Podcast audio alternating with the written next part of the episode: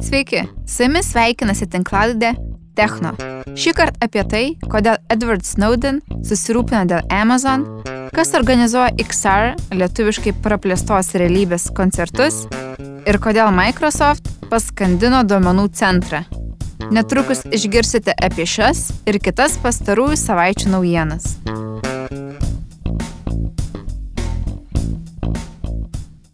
Ar piratavimui atėjo galas? Sparks grupė tai tarptautinė skaitmeninių piratų grupuotė, kaltinama internete nelegaliai platinant filmus ir TV programas.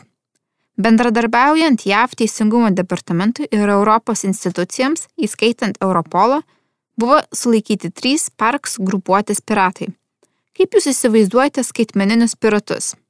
Sulaikytiems 50-mečiui Britui, 39 metų Norvegui ir 36 metų amerikiečiui pateikti kaltinimai autorinio teisų pažeidimu ir grėsia iki 5 metų kalėjimo. Jų padaryta žala vertime dešimtimis milijonų dolerių, bet ne tai yra įdomiausia naujiena. Anot TechSpot, šių trijų vyrukų sulaikimas pasiuntė stiprią žinę visai piratų bendruomeniai. Kai kuriuose torrent svetainėse jau savaitę po Sparks grupuotės narių sulaikymo naujai talpinamo piratinio turinio kiekis sumažėjo 10 kartų. Labiausiai paveiktos kategorijos - anime, elektroninės knygos, žaidimai ir filmai. Muzikos įrašai yra didžiausia išimtis. Naujai talpinamų muzikinių įrašų skaičius labai trumpam buvo sumažėjęs ir praėjus vos kelioms dienoms po Sparks narių sulaikymo grįžo į normales vėžes. Ar Sparks grupės kelių narių sulaikymas iš tikrųjų gali turėti ilgalaikį poveikį piratų bendruomeniai? Matyt ne. Tiek Linkomanė, tiek Pirate Bay svetainės bandė uždrausti, bet abi vis dar veikia. Microsoft paskandino duomenų centrą. Duomenų centras vandenyno dugne tai nėra standartinė duomenų centro lokacija. Microsoft pradėjo eksperimentuoti su povandeniniais duomenų centrais jau 2015 metais.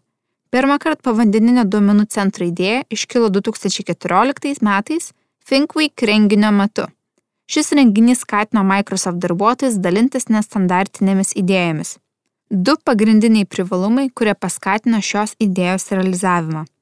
Kaip tikimasi, sumažėsiančios energetinės sąnaudos bei debesų kompiuterijos prieigos padidinimas pakrantėse gyvenantiems žmonėms. O tokių žmonių yra daug. Ne šiaip daug, o pusė Žemės gyventojų gyvena mažiau nei 200 km atstumu nuo pakrančių Taigi, gimė projektas pavadinimu NATIC - sausumoje esantis duomenų centrai dėl deguonies ir drėgmės bei temperatūros pokyčių susiduria su korozija. Tačiau vandeniu nelaidžioje aplinkoje ir griežtai kontroliuojant temperatūrą galima išvengti daugelio problemų. Apitiksliai dviejus metus Microsoft povandeninis duomenų centras išbuvo vandenino dugne. Microsoft teigia, kad povandeninis duomenų centras patyrė aštuonis kartus mažiau nesklandumų, gedimų nei sausumoje esantys duomenų centrai. Tai atveria duris naujoms galimybėms. Microsoft teigia, kad didėja poreikis mažesnių duomenų centrų, kurie būtų arčiau klientų, tad povandeniniai duomenų centrai gali užpildyti šią rinkos nišą. Technologijos ir mada sukasi ratu. Atsakykite man į šiuos du klausimus ir suprasite, ką aš turiu omenyje. Kada paskutinį kartą pirkote muzikinį kompaktinį diską? O kada paskutinį kartą pirkote vinilinę plokštelę? Anot Amerikos įrašų asociacijos, pirmą kartą nuo 1980-ųjų amerikiečiai išleido daugiau pinigų viniliniams plokštelėms nei muzikiniams kompaktiniams diskams. Tiesą sakant, Amerikiečių susidomėjimas vinilinėmis plokštelėmis ėmė kilti jau nuo 2005 metų. Tačiau dar neskubėkite atsidarinėti vinilinių plokštelių parduotuvės. Pilna vaizdams padės susidaryti šis klausimas. Kada paskutinį kartą mokėjote už muzikos transliavimo paslaugas? Aš turiu minį Spotify ar Apple Music. Nors susidomėjimas vinilinėmis plokštelėmis ir padidėjo, bet pajamos, gaunamas vartotojams mokant už muzikos transliavimo paslaugas, ar klausant turinio su reklamomis yra apytiksliai 20 kart didesnės nei pajamos gaunamas parduodant vinilinės plokšteles. Nepaisant to, kad pandemijos metu mokančių vartotojų skaičius Spotify platformoje gerokai išauga, jie irgi susiduria su sunkumais, nes pandemijos metu daugiau verslų taupo. Spotify pajamos gaunamos iš reklamos sumažėjo. 2020 m. antro ketvirčio ataskaitoje minima, kad jie nepasiekė užsibrieštų finansinių tikslų. Tačiau Spotify akcijų kaina, palyginus su kaina metų pradžioje, išauga 60 procentų. Tęsiam muzikinę temą. Kaip manote, koks saugiausias būdas sudalyvauti koncerte? Aišku, iš namų. Ar esate žiūrėję kokį nors koncerto įrašą, gal Queenų, o gal 69-ųjų Woodstocką? Neseniai peržiūrėjau virtualų 10 minučių trukmės koncertą. Rugsėjo pradžioje Epic Games žaidimų kuriejai pranešė apie gyvų koncertų seriją žaidimą Fortnite. Koncertai buvo transliuojami iš visiškai naujos Los Angeles studijos pastatytos specialiai žaidimų koncertams. Visai neseniai, rugsėjo 25 dieną, Epic Games organizavo labai garsios K-pop grupės BTS muzikinio klipo pristatymą, irgi žaidime Fortnite, o balandžio gale įvyko virtualus Travis Scott koncertas.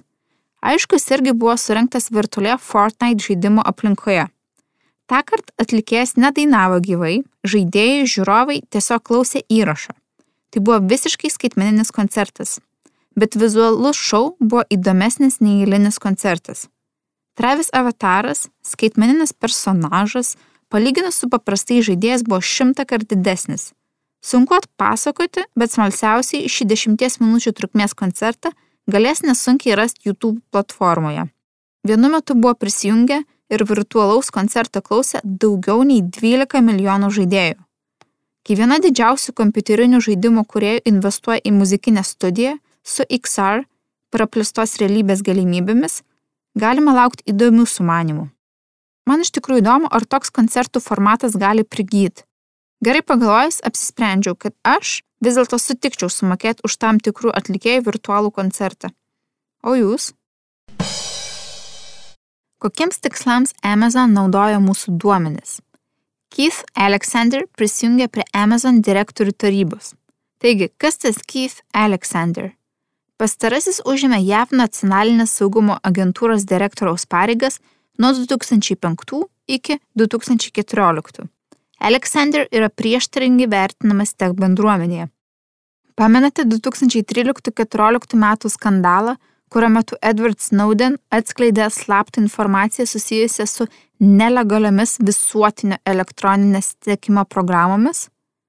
Ir neveltui pabrėžiau žodį nelegaliomis. Rugsėjį, po daugmaž septyniarių metų, buvo priimtas teismo sprendimas ir nuspręsta, kad amerikiečių telefoninių skambučių duomenys buvo iš tikrųjų rinkti nelegaliai. Manau, kad pamenate tą skandalą. Snowdenui paviešinus tam tikrus dokumentus ir prasidėjus šiam skandalui, būtent Keith Alexander užėmė JAV nacionalinės saugumo agentūros NSA direktoriaus pareigas.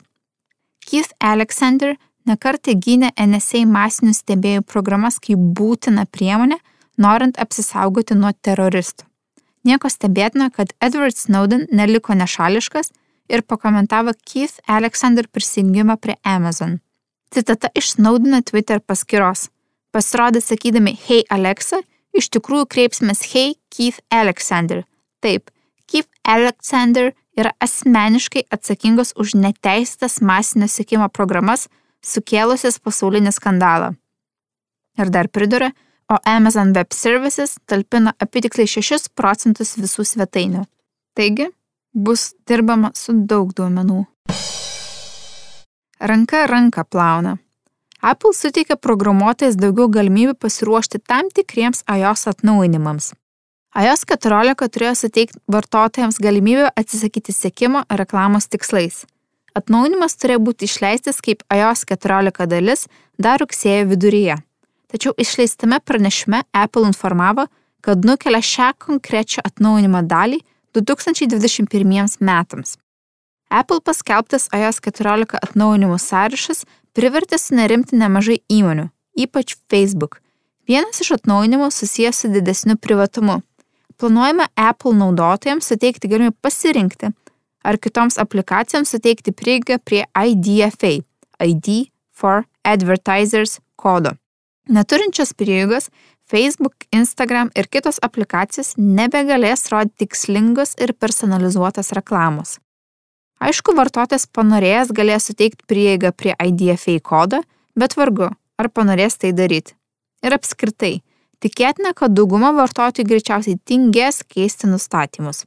Šis konkretus iOS atnaujinimas potencialiai galinti sutrukdyti rodyti personalizuotą reklamą, be abejonės pritraukia Facebook dėmesį. Facebook net teigia, kad pandemijos metu Facebook buvo tikras gelbėjimas ratas mažosiams įmonėms ir trukdymas efektyviai nukreipti žmonės į skelbimus gali turėti pavojingų makroekonominių padarinių. Mark Zuckerberg kelis kartus pasisakė šią temą ir pabrėžė, kad pajamas gaunamas iš reklamų naudojant iOS platformą bus stipriai paveiktos. Ir tai suveikia. Na, gal ir ne tai, bet tikėtina, kad tai. Apple atidėjo būtent šį su didesniu privatumu susijusi atnaujinimą vėlesniam laikui. Atnaujinimas jau turėjo būti išleistas, bet yra atidėtas iki 2021 metų. Fitbit prieš COVID. Gegužė Fitbit paskelbė, kad sieks sukurti algoritmą, kuris dar nepasirodžius simptomams identifikuos, ar žmogus yra užsikrėtęs COVID-19. Per du mėnesius daugiau nei šimtas tūkstančių Fitbit naudotojų JAV ir Kanadoje pasiryžo dalyvauti šiame tyrime. Virš tūkstančių iš šių žmonių vėliau užsikrėtė koronas virusu. Pirmieji rezultatai. Fitbit pareiškė, kad viena diena anksčiau nei pasireiškia simptomai gali identifikuoti apie pusę užsikrėtusių žmonių. Bus įdomu pasiekti šią naujieną ir sužinoti, ar surinkus daugiau duomenų Fitbit pastebės dar kokiu nors įdomiu išvalgu, ar tai ir liks labiau bandymų pasireklamuoti. Fitbit tyrimą tęsia ir renka daugiau duomenų. Ačiū uždėmesi, su jumis buvo tinklalaidė Techna ir iki susitikimo po savaitės.